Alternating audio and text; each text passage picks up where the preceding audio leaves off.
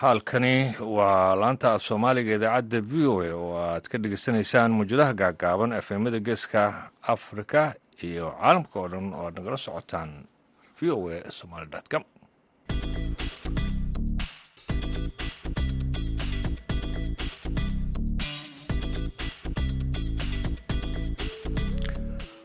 Duhur wanaagsan dhegeystayaal dhammaantiinba saacaddu waa kuudii iyo barkii duhurnimo dhegeystayaal idaacaddeenna barnaamijka dhalinyada ee maantana waxaa idiin soo jeedinaya anigoo ibraahim xasan daandurig iyadoo ah maalin khamiisa lix iyo tobanka februari labada kun iyo saddex iyo labaatanka.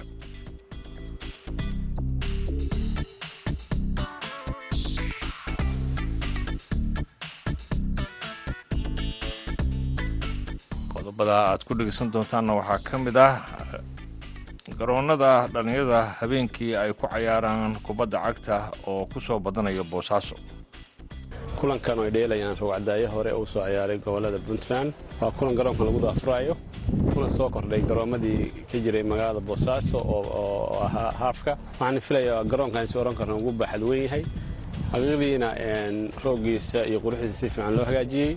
Markaan waxaan leenahay bulshada ku dhaqan waa boosaaso inay garoonkan isboortiguna wuxuu qayb ka yahay caafimaadka qofka.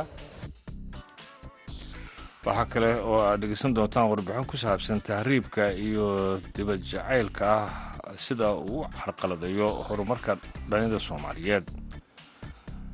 Heesihiina waan idiin haynaa balse marka hore ku soo dhowaada warkii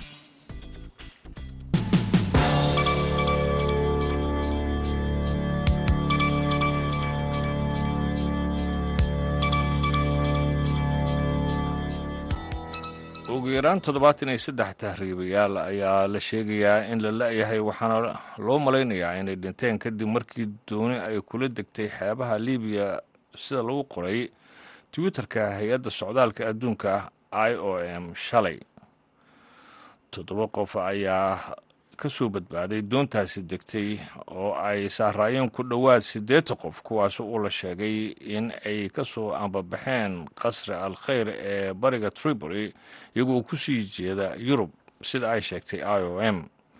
Ilaa iyo hadda ku iyo toban qof oo meyd ah ayay soo saareen bisha cas ee libiya iyo booliiska deegaanka halka toddoba qof ee badbaadana ay ku jiraan cusbitaalka libiya ayaa marayka ugu weynay tahriibayaasha doonaya iyagu in ay gaaraan yurub iyaga oo maraya marin khatar ah ee saxaraha iyo badda mediteraneanka ugu yaraan konton qof ayaa waxaa lagu dilay gobolka oromada ee dalka etoobiya bishan kadib weerar ay qaaday jabhadda la mamnuucay ee oromada o l a sida shalayto uu sheegay guddiga xuquuqul insaanka ee dowladdu magacowday oromada ayaa qowmiyadda ugu badan dalka etoobiya waxaana sannado badan ka dhacay meelaha ay ku nool yihiin rabshado kuwaas oo salka ku haya saluug siyaasadeed iyo dayac dowladda dhexe ay ka tabanayaan.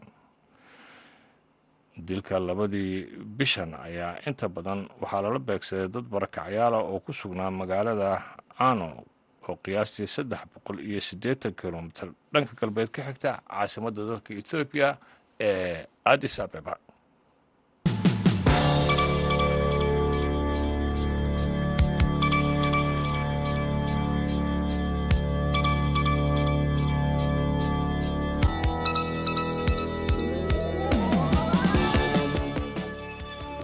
garoomada ay dhallinyada habeenkii ay ku cayaaraan kubadda cagta ayaa ku soo badanaya magaalada boosaaso taasi oo dhallinyada siinaysa goobo cusub oo ay xilliyada habeenkii ay ku madadaashaan magaalada.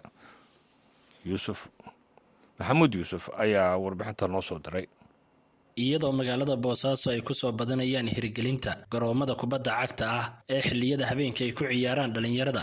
Ayaa hirgelintiisa waxa uu yahay mid wax badan ka beddelaya baahiyaha dhallinyarada ay ku qabaan ku ciyaarista garoon cagaar ah oo wakhtiga ay isku dhaafiyaan waxaana inta badan ka qayb qaataa mashquulinta dhallinyarada.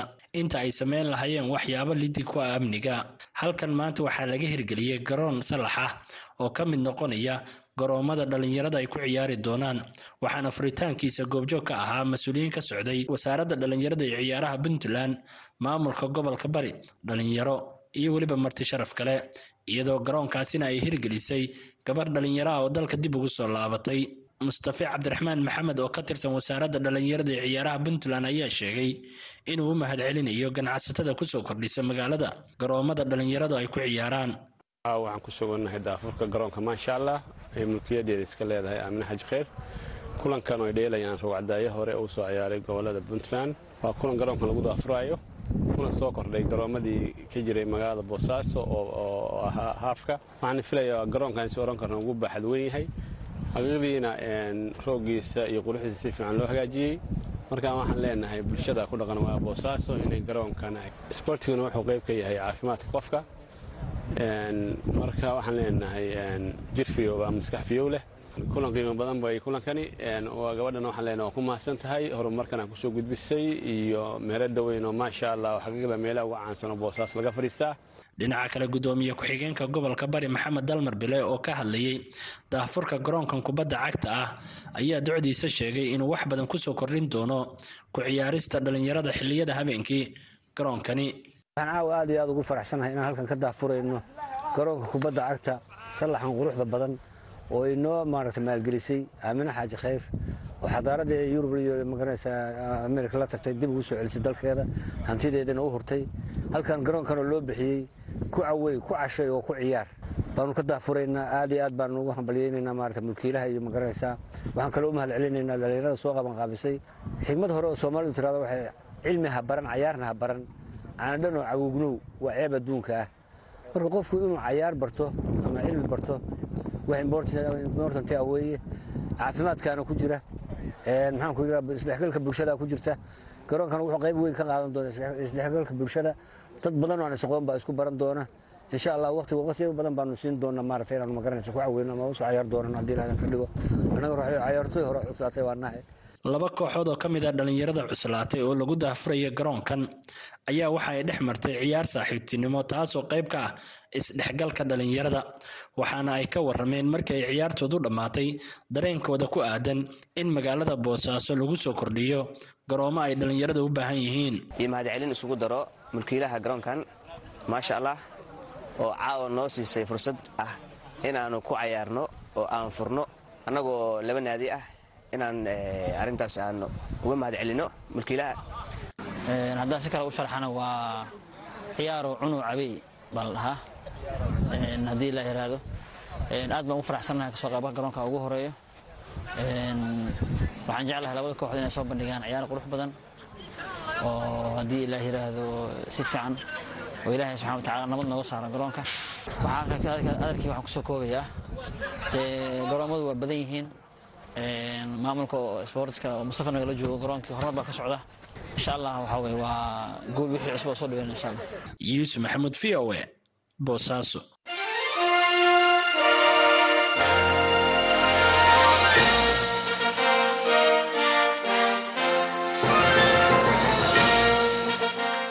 safarka tahriibka ee soddonkii sano ee la soo dhaafay saameyn xoogan ku yeeshay nolosha dhallinyarada soomaaliyeed ayaa dib u dhac xoogan waxa uu ku keenay in dhallinyada ay horumar ay ka sameeyaan dhinaca nolosha. Sulub abshir joker oo ku nool xeryaha dhadhaab ayaa ka mid a dhallinyaradaasi waxaanu u warramay wariyahana v o a ee dhadhaab cabdisalaan salas. Waan dhowahay walaal macaane magacaygo saddexan waa sulub xirse ashkir oo loo yaqaano joker waxaan ku dhashay aniga gobolka galguduud khaasadda degmada cawdaaq sidabu maxay tahay sababta ugu horreyn dalkaadii kaa soo saartay ee qaxootinimada aad u dooratay? Niyo horta waa sabab hadda markii aan dib u xasuustaba aad iyo aad horta noloshayda saameyn ugu yeelata. Nolosha anugu halkaan u imid iyo sababtii aan u imid iyo wixii aan doonayey iyo wax meeshaan ugu imid horta waa wax kala waxaan ku imid anigu halkaan waxaan ka imid oo ka soo marka halkaan imaanayey magaalada kismaayo. Nin beerreey ahaan ahaa. Shantii sano u dambeysay markaa magaalada kismaayo aan joogay. Beer baan tabcanayey dalag baa ii saarnaa kabsuumay ku taalla beerta. Nin aan walaalkay halahaa beer weyn bay ahayd qayb baan iska tabcada marka. Awooddaydaan fuulay qarash yar baan helay waan ku tabcada. Waxaan haaminayey markaa ayadaa beertaa dalagga saaran markuu soo go'o. Gaari baan ku fakarayey iyo noloshayda aan horey u sii marayo waxaa ii sheekeeyey oo ii xumeeyey dad. Waxaa laigu yidhi waa laga dhoofaa meesha. Qaxootiyaasha xagardheer xagardheer baa loo yaqaana berigaas imaanaya anugu.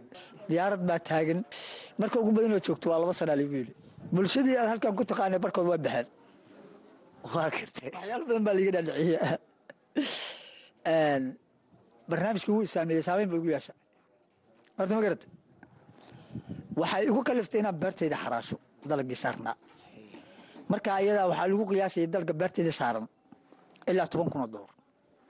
Toddobiyo toban milyan oo soomaali ah oo coosha hansiista waan joogay magaalada kismaayo ka soo baxay. Gaari baan soo raacay. Waxaan soo gelay taraag.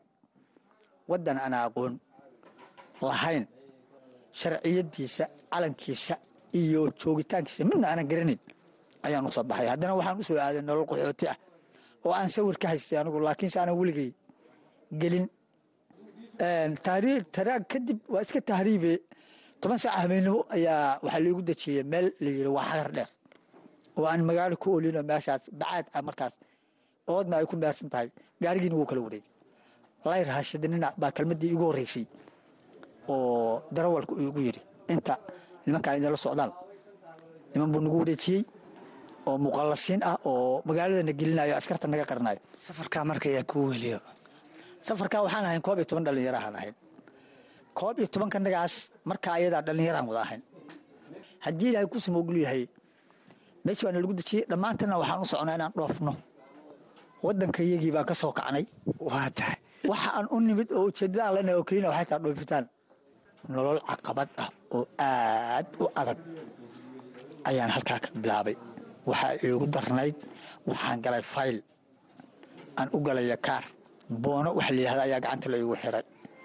Toddoba beri ayaan fayl ku jiray oo sida xoolaha oo kale la ii horeeyey oo xaqiiqatan ummadda halkaa taagan markaad aragto murugo ayaa ku dilaysa xaaladda ay ku jirto. Meesha ay ka timid iyo waxa ay timid iyo waxa ay ku sugan tahay markaa eegto. Niyo horta wax kale oo rajaxumo badan baa ku gelaysa. Niyo waxaa ii bilaabatay nolol caqabad ah. Cabdisalaanow waxaa ii bilaabatay nolol midaan ku fakaraya ka duwan ka gadisan aad iyo aadna u adag. Kaarkii ayaa lagu jaray qaxooti baa noqotay. Garaamaadka aan markaa ay kuu qorshaysay adiga oo hal qof ah solobow balma sharax. Waxaa laygu yidhi markii ugu horreysay oo aan raashin u faylay faylkii horta aan kaarka u galoo kalaan u gala. Meeshii ugu horreysay waxaan ka qaatay laba kiilo galley ah. Waa darkii ugu horreeyey oon ku faylay. Waa maalinkii ugu horreysay oo raashin qaatay. Meeshii ku xigtay waxaan ka qaatay laba kiilo oo baha la yidhaahdo bulaando la yidhaahdo oo waa tahay solobow reedaadii dabcan dhoofitaanka. Halkee bay ku dambaysay rayadii dhoofitaanku diyaaradii taagneyd diyaaradii taagneyd u n marka ugu dambeysa labada sana aan sugaayey marka ugu dambeysa ay igu qaado ay ku soo dhammaatay inaan ilaa hadda koob iyo toban sano kadib cabdisalaan halkaan aad galabta maanta igu wareysanayso. Waa tahay. Bal marka aad dib u xasuusato noloshii aad ku haysatay magaalada kabsoomo iyo maanta oo toban sano kadib aad qaxootiga taagan tahay bal maxaad dareentaa waxaan dareemayaa dee inaan noloshaydii soo baabi'iyey inaan ku soo baabi'iyey nolol khiyaali ah oo aan dhammaad lahayn oo aan waxaa weeye meel ay ku dambayn doonto aan la arag.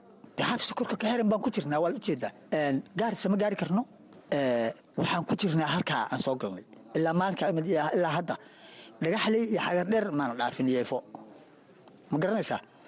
Noloshii kaleo dhan waaba iska ilaaweyba. Qaxooti dhabaha noqdo hadda. Waayahay solobow waxaa xeryaha soo galayay bilihii u dambeeyey qaxooti cusub oo u badan dhalinyaro bal ka waran cabsida aad ka qabto mustaqbalkooda maadaama aad tahay nin waayaarnimo ku filan ka haysto nolosha qaxootinimada wallaahi cabdisalaanow niyahow horta aad baan uga naxayaa. Maalinkii anigu aan si fiican ugu rasmiyey halkan oo aan ogaaday waxa dhabtaa ee ka jira laga bilaabo ilaa maanta. Horta bulshada soo gelaysa aad baan uga naxayay mid aanan ka naxayn oo soomaaliya kuma jiro. Waxaa tan ka sii daran kuwa tahriibka sii gelaya oo sii gudbaya. Ee ku dhammaanaya badaha ee waddankoodii ka tegaya ee xabsida ku baaba'aya ee maalin walba qayladooda ayagoo fideo laga soo duubay oo jir dilan halkaan aan ku daawanno. Nigoo horta aad baan uga xumahay waxa dhallinyaradeenna ku dhacaya. Dhallinyarada niyahow horta waxaan kula talin lahaa marka ugu horeysa inay waddankooda iimaansadaan kaasina dhegeystayaal waxau ahaa sulub ashkar oo ku nool xeryaha qaxootiga ee dhadhaab wuxuuna u warramayey wariyaha v o ee dhadhaab cabdi salaan salas. Haatanna waa xubintii ciyaaraha maxamuud bascade suuda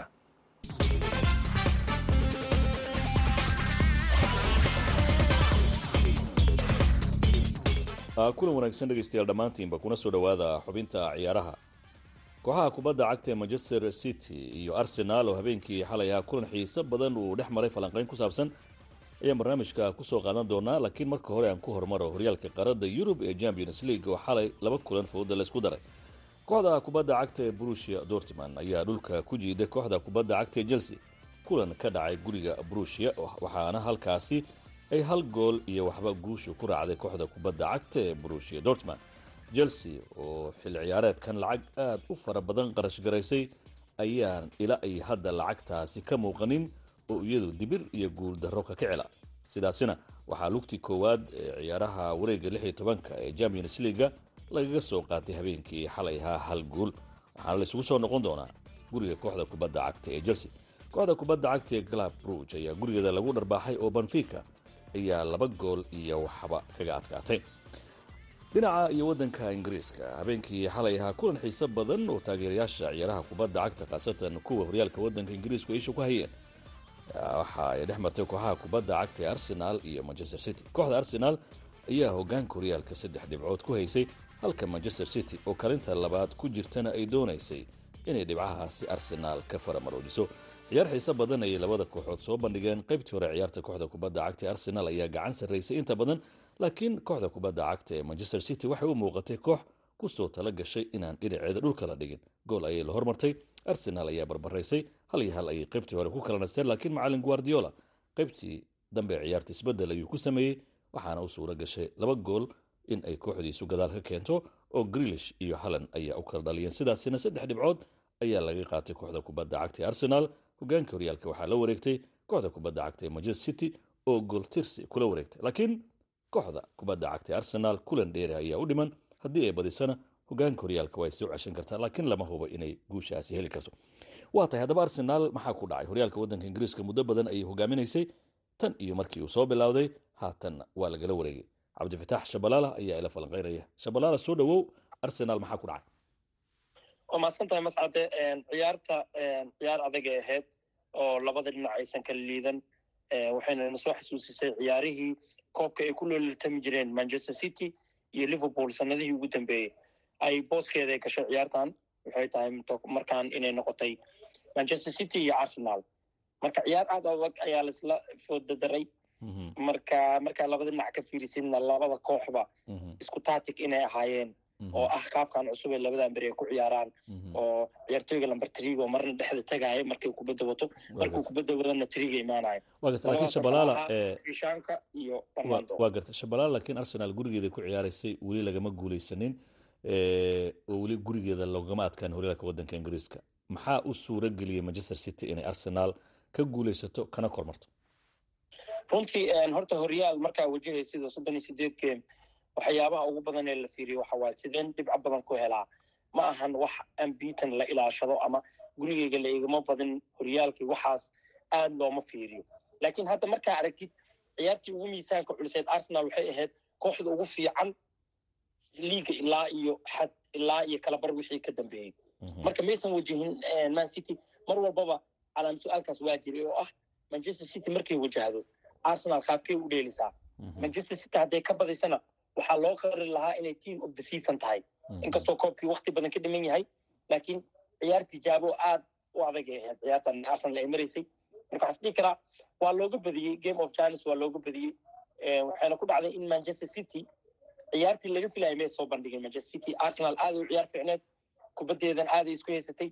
Open playga ama ciyaarta furan ee la ciyaaraya arsenal ku fiicneed laakiin manchester city khaladaadka arsenal ayay ku karbaashtay meesha khaladaadka cityna ee arsenal qaadan weyse waa tahay. Labadii kooxood ee horyaalka ugu awoodda roonaa xilli ciyaareedkan waxaa ka soo baxday in arsenal laga adkaaday oo hogaanka horyaalka gooltirsi haatan ay manchester city ku sarreyso. Kulamo dhowra ayaa weli horyaalka ka dhiman. Maxaa laga bartay kulankan? Yaad isleedahay hogaanka horyaalka way sii haysan kartaa ama xilli ciyaareedkan koobka way ku guuleysan kartaa. Runtii city maadaama ay gadaal ka soo dagaalantay oo sideed dhibcood tagtay haddana dhibcii isleegyihiin hadday ugu badatana saddex dhibcood ay tegeyso city koobkan hore u qaadaysay awooddeeda taagan tahay halan u joogo. Mar walbaba citya favorite la siinaya ugu cadcad la leeyahay haddana arsenal waa laga badiyey horyaal loogama haro. Horyaalka mascado waa kaa badiye ma aha waa kaa koreeyaa waayo champions leaga waa kaa badiye waa lagu dhihi karaa waa haraysaa. Laakiin horyaalka anoo kaa badiyaa iga kormari kartaa marka still arsenal janis haystaa laakiin su'aasha ay weydiisay waayo oo ugu muhiimsan arsenal dib ma u soo kaban doontaa? Kadib saddex kulan oo aysan guul qaadan marka falanqeeyaasho dhan waxay isweydiinayaan man city ma ahane waa arsenal sida ay waddadii guulasha ugu soo laabo. Su'aasha ugu adag waa taas marka man city marka xagga laska dhigo arsenal waxaa laga rabaa inay ka jawaabto guuldarooyinkaas daba yaallo oo waddadii guusha ku soo laabay waa hadday koobka tartamayso haddii kale haddii guuldarada ay ku sii socoto ama barbardhacyaasha ay iska soo dabagashay ay ku sii socdaan waxay noqonaysaa arsenalkeeda caadigeeda ku soo laabanaysaa waxayna ku dagaalamaysaa lambar labadeeda oo u dhigantay inay top four gelayso waa tahay shabalaal aad baad u mahadsan tahay kulamada soo socda oo aston villa iyo lester ay guryahooda kula soo ciyaarayso ayaa la ogaan doonaa awoodda arsenaal waxaana inta badan muuqadaysa ciyaaryahan baarte oo kooxda ka dhaawacmay inay arsenaal weli aad u tabayso. Arsenaal oo xidigahoodu ay kooban yihiin dad badan waxay rumaysan yihiin inay ku adkaan doonto in horyaalka waddanka ay xilli ciyaareedka ku guulaysato. La arki doonay haddaba halka ay sheekadu ku dambayso. Shabalaale aad baad mar kale dhegaystayaal xubinta ciyaarahan inta ayaan ku soo gabagabeynaya tani kulan dambe oo idila sidaa nabadgelyo